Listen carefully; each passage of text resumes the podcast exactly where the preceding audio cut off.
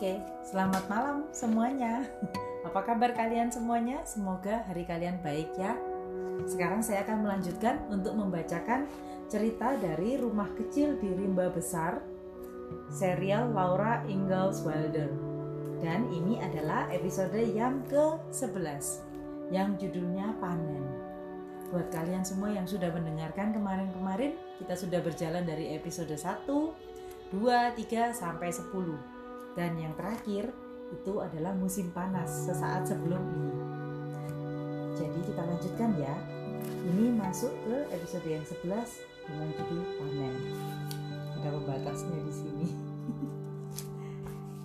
buat teman-teman, buat adik-adik semua yang ingin melihat ini adalah gambar pertama dari episode 11. Buat kalian yang mendengarkan di Spotify, podcast Ellen Anastasia Jangan lupa kalau kalian suka, kalian boleh share biar saya tambah semangat juga membacakan buku-buku yang lain buat kalian semuanya. Boleh juga request. Buat yang nonton di YouTube, kalian boleh juga request di komen. Oke? Kita mulai ya. Pa dan Paman Henry saling pinjam tenaga. Ketika gandum di ladang Pa masak, Paman Henry datang untuk membantu Pa. Bibi Polly dan semua anak mereka ikut berkunjung ke rumah. Kemudian, Pa pergi ke rumah Paman Henry membantunya memotong gandum paman. Ma ikut membawa Laura, Mary, dan Carrie berkunjung ke rumah Bibi Polly. Ma dan Bibi Polly bekerja di rumah, sedangkan anak-anak bermain di halaman sampai waktu makan siang. Halaman Bibi Polly sangat menyenangkan untuk bermain sebab banyak sekali tunggulnya. Ngomong-ngomong, apa ya tunggul itu? Tunggul itu batang pohon yang dipotong sampai sangat pendek. Jadi itu yang dibuat mainan oleh Laura dan saudara-saudaranya. Oke, kita lanjut ya. Saudara-saudara sepupu itu bermain lompat-lompatan dari tunggul ke tunggul tanpa menyentuh tanah sedikit pun. Bahkan Laura yang paling kecil dapat mengerjakan itu di tempat dulu pohon-pohon kecil tumbuh rapat. Nah, saudara sepupu Charlie sudah besar, umurnya hampir 11 tahun dan ia dapat melompat dari tunggul ke tunggul yang ada di halaman. Bahkan, ia dapat melompati dua tunggul sekaligus. Ia juga berani berjalan di atas pagar tanpa mengenal rasa takut Pa dan Paman Henry bekerja di ladang, memotong gandum dengan alat penuai. Ini gambarnya saya tunjukkan ya. Nah, ini Pa dan Paman Henry bekerja di ladang memotong gandum, kemudian rupanya juga diikat. Kita lanjutkan ya.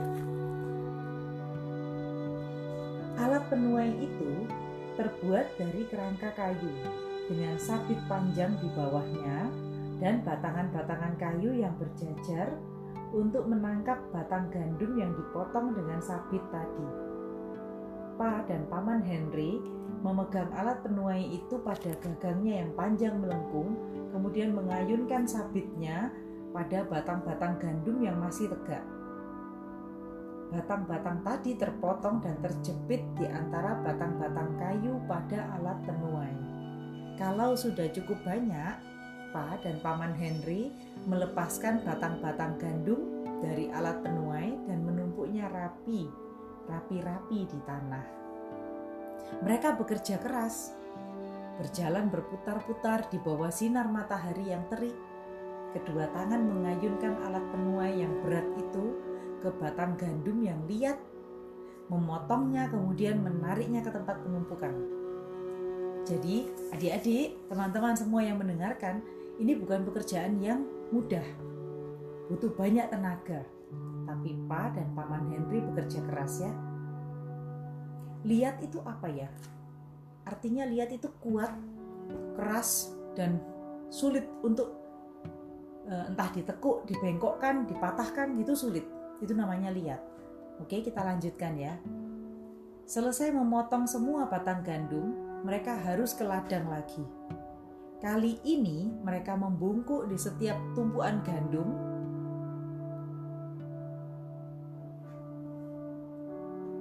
Oke, kali ini mereka membungkuk di setiap tumpuan gandum. Mengambil segenggam batang gandum, menganyamnya menjadi semacam tali, sepeluan batang gandum, kemudian dikumpulkan, diikat erat-erat menjadi satu dengan tali yang mereka buat tadi. Jadi talinya itu dibuat dari jalinan batang gandum dibuat untuk mengikat gandum itu sendiri. Kreatif ya. Setiap tujuh ikat gandum dijadikan satu timbunan. Lima ikat didirikan di tanah dengan biji-bijinya di atas. Dua ikat lagi ditaruh di atas kumpulan ini dengan batang-batangnya ditebarkan hingga membentuk atap kecil yang melindungi gandum yang di bawah dari hujan dan embun. Setiap gandum yang sudah dipotong harus selesai ditimbun sebelum malam tiba. Kalau tidak, gandumnya akan membusuk oleh embun. Pa dan Paman Henry bekerja cepat-cepat sebab udara terasa panas dan mereka takut kalau hujan akan turun gandum sudah masak, dan kalau tidak segera dipotong serta ditimbun sebelum hujan datang, bisa-bisa panenan akan hancur. Kuda-kuda Paman Henry akan kelaparan sepanjang musim dingin. Tengah hari, Pa dan Paman Henry pulang tergesa-gesa dan makan cepat-cepat. Paman Henry berkata, "Sore itu Charlie harus ikut membantu." Laura memandang Pa waktu Paman Henry berkata begitu. Di rumah, Pa pernah berkata kepada Ma bahwa Paman Henry dan Bibi Polly terlalu memanjakan Charlie. Waktu Pa berumur 11 tahun, ia telah melakukan pekerjaan orang dewasa di ladang, mengendalikan dua ekor kuda untuk membajak. Namun Charlie yang sudah sebesar itu tidak pernah mengerjakan pekerjaan apa pun. Oke, kita lanjut ya. Menarik ini. Kini Paman Henry berkata, Charlie harus membantu mereka di ladang. Sebetulnya banyak yang dapat dikerjakan Charlie. Ia dapat pergi ke mata air untuk mengambilkan air bila Pa atau Paman Henry haus. Ia dapat mengambilkan batu pengasah untuk mengasah sabit. Anak-anak berpaling kepada Charlie. Charlie tidak senang bekerja ia lebih senang tinggal di rumah dan bermain-main. Namun, tentu saja ia tidak mau mengatakan hal itu. Pa dan Paman Henry sama sekali tidak beristirahat. Begitu selesai makan, mereka bergegas kembali ke ladang. Charlie ikut dengan mereka. Tanpa Charlie, Mary jadi tertua di antara anak-anak itu ia ingin permainan yang tenang sebagai layaknya permainan wanita-wanita yang sopan. Maka siang itu mereka bermain rumah-rumahan. Tunggul-tunggul kayu dijadikan meja, kursi, dan tungku. Daun-daun dijadikan piring. Ranting-ranting jadi anak-anakan.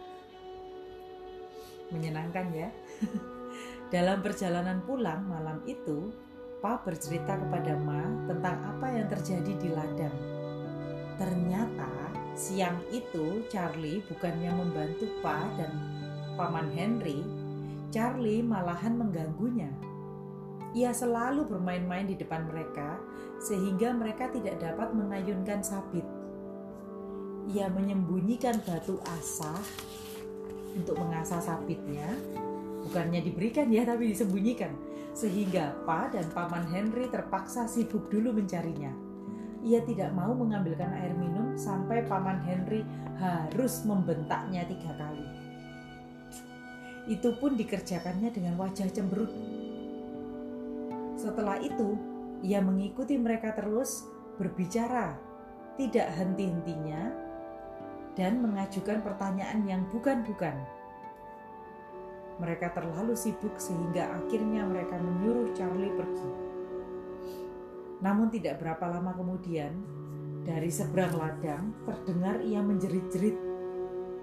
Pa dan paman Henry cepat-cepat membuang alat penuai mereka, berlari ke arah suara Charlie.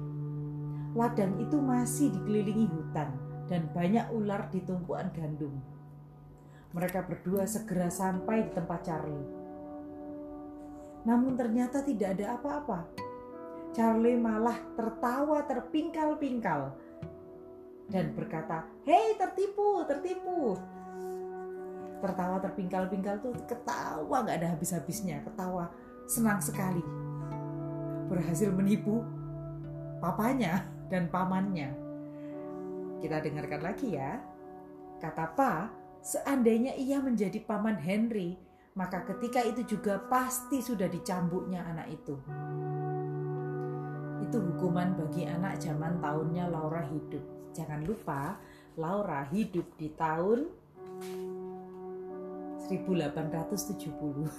Jadi hukumannya dicambuknya. Uh, ngeri.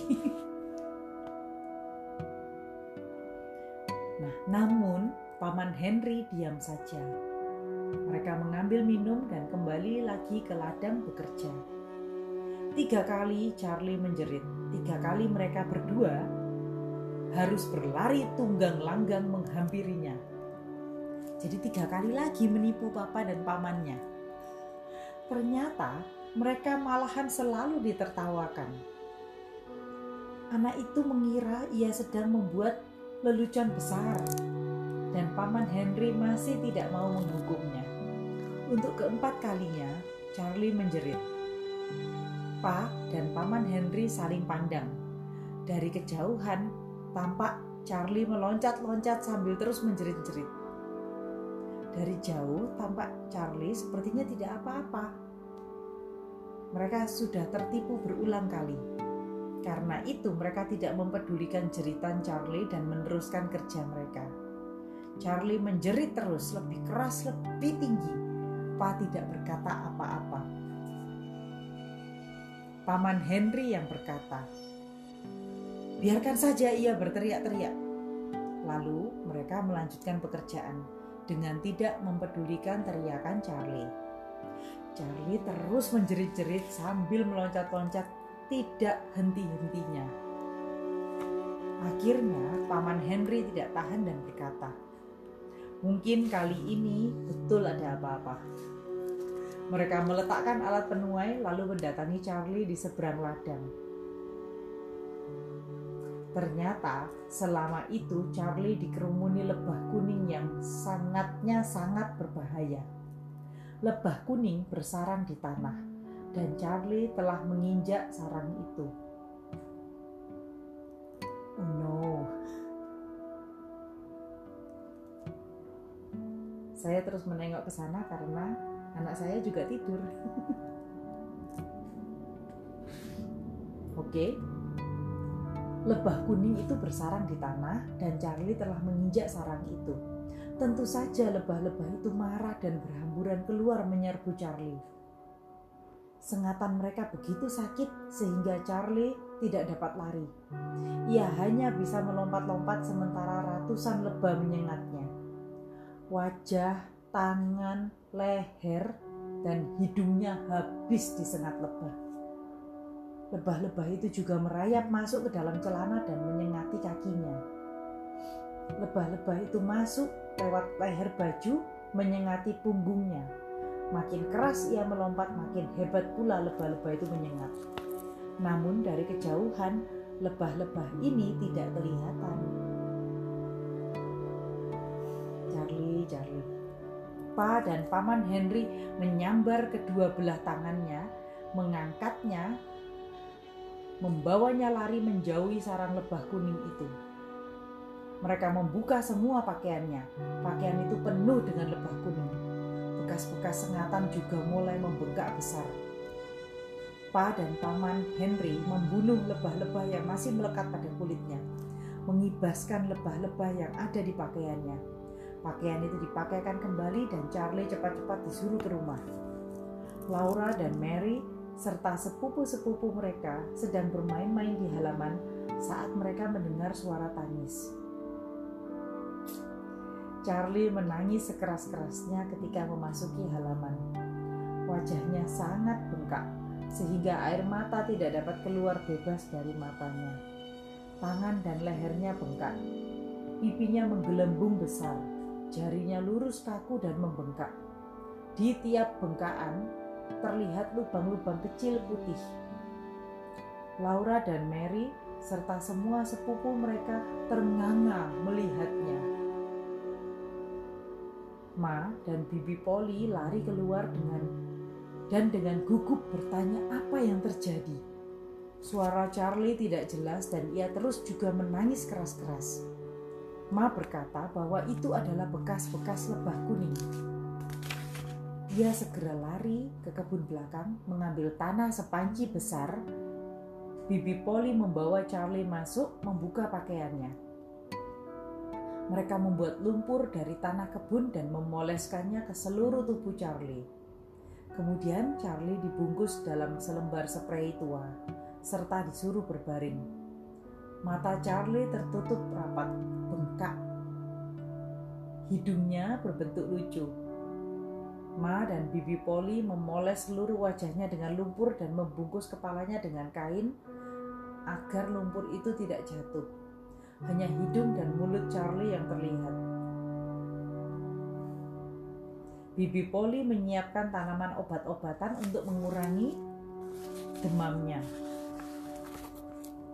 Bisa demam ya kalau disengat lebah seperti itu. Bahaya sekali sebetulnya. Laura, Mary, dan semua sepupu mereka berdiri lama mengelilingi Charlie menontonnya. Ini, kalian lihat gambarnya di sini. Charlie dibungkus seperti ini dengan dilapisi lumpur dari halaman belakang. Oh iya, buat yang belum melihat tadi ya, ini waktu Charlie lelompatan. Ini saya sampai lupa menunjukkan. Jadi Charlie waktu dikerumuni oleh lebah seperti ini. Kasihan sih. Kasihan tapi Charlie ini nakal sekali ya. Oke, ayo kita lanjutkan ya. Hari sudah gelap waktu Pa dan Paman Henry pulang dari ladang. Semua gandum telah aman dalam timbunan. Hujan boleh datang sekarang, tidak akan dapat membuat kerusakan. Pa tidak dapat menunggu sampai makan malam.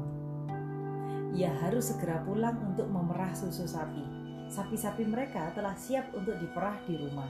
Dan bila tidak diperah, maka lain kali jumlah susunya akan berkurang. Pa cepat-cepat memasang kuda ke gerobak dan mereka segera berangkat. Pa sangat lelah, tangannya linu-linu hingga tidak dapat mengendalikan kuda dengan baik. Namun kuda-kuda itu sudah kenal betul jalan pulang. Ma duduk di sebelahnya, memangku Carrie Laura dan Mary duduk di papan di belakang mereka. Mereka mendengarkan apa yang terjadi pada Charlie di ladang.